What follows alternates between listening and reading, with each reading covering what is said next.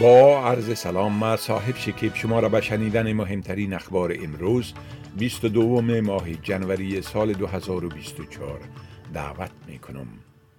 سیاستمداران حزب کارگر استرالیا این هفته با تقاضای صدر اعظم انتونی البنیزی برای تشکیل جلسه اعضای پارلمانی این حزب حاکم دو هفته قبل از شروع مجدد پارلمان به کمبرا رفتند.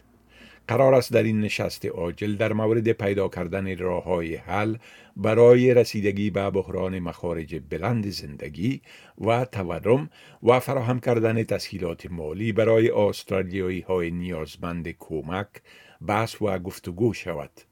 یک گزارش جدید نشان می دهد که وسع و توان تأمین مسکن در استرالیا به دلیل اولویت دادن به کمک ها به بازار خصوصی بر ساختن مستقیم مسکن تقلیل یافته است.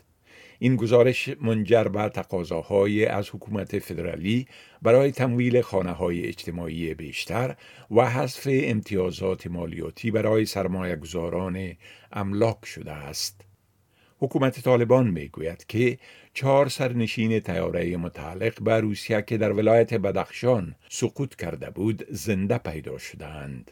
اداره هوانوردی روسیه دیروز یک شنبه 21 جنوری اعلام کرد که یک تیاره حامل شش نفر آن کشور در مناطق کوهستانی در شمال شرق افغانستان سقوط کرده است. زبیح الله مجاهد سخنگوی حکومت طالبان در پیامی در شبکه اجتماعی اکس گفته که بدنه این تیاره در ساحه ارزکوه ولسوالی کوف آب ولایت بدخشان پیدا شده و چهار تن از عمله آن نجات داده شده اند. طبق یک گزارش بی بی سی دیروز تظاهراتی در دهها شهر جهان در اعتراض به نقض حقوق زنان در افغانستان و دستگیری آنها توسط طالبان به خاطر حجاب راه اندازی شد و شرکت کنندگان رهایی فوری و بدون قید و شرط زنان زندانی شده را تقاضا کردند. سازمان دهندگان این تظاهرات هماهنگ در بیانیه مشترک از سازمان ملل متحد و جامعه جهانی خواستند که با تعامل مثبتشان با طالبان پایان دهند و به گفته آنها وقوع نسل کشی هزاره ها و وجود آپارتایت جنسیتی در افغانستان را به رسمیت بشناسند. غرب کابل که ساکنین آن عمدتا هزاره های شیعه هستند شاهد حملات مکرری بوده که مسئولیت بیشتر آنها را شاخه خراسان گروه داعش به عهده گرفته است. انتونیو گوترش سرمنشی سازمان ملل متحد بار دیگر اسرائیل را به دلیل آنچه او مقاومت غیر قابل قبول آن کشور در مقابل دولت مستقل برای مردم فلسطین می‌داند محکوم کرده است. آقای گوترش در سخنرانی خود در اجلاس سران جی 77 در یوگندا گفت که تلفات فزاینده مردم فلسطین در غزه دلخراش است و تقاضایش برای آتش بس فوری بشردوستانه در آن ناحیه را تکرار کرد. او می‌گوید که این مقیاس ویرانی و کشتار گسترده در دوران کار او به حیث سرمنشی ملل متحد به سابقه بوده است.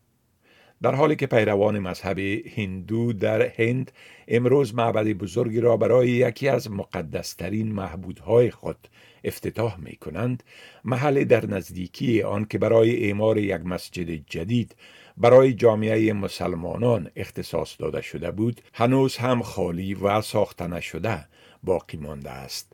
در حدود 24 کیلومتری معبد جدید رام در آیودیا زمین به مساحت 5 جریب پس از اختصاص یافتن آن برای ساختن مسجد جدید به جای مسجد بابوری با قدامت چند صد ساله که در سال 1992 توسط هندوان متعصب ویران شد خالی است. تخریب این مسجد باعث شورش های سراسری شد که در نتیجه آن دو هزار نفر اکثرا مسلمانان به قتل رسیدند و این معبد جدید رام در همان محل ساخته شده است. این بود خلاصه ای از مهمترین اخبار از برنامه دری اسپیس آدیو.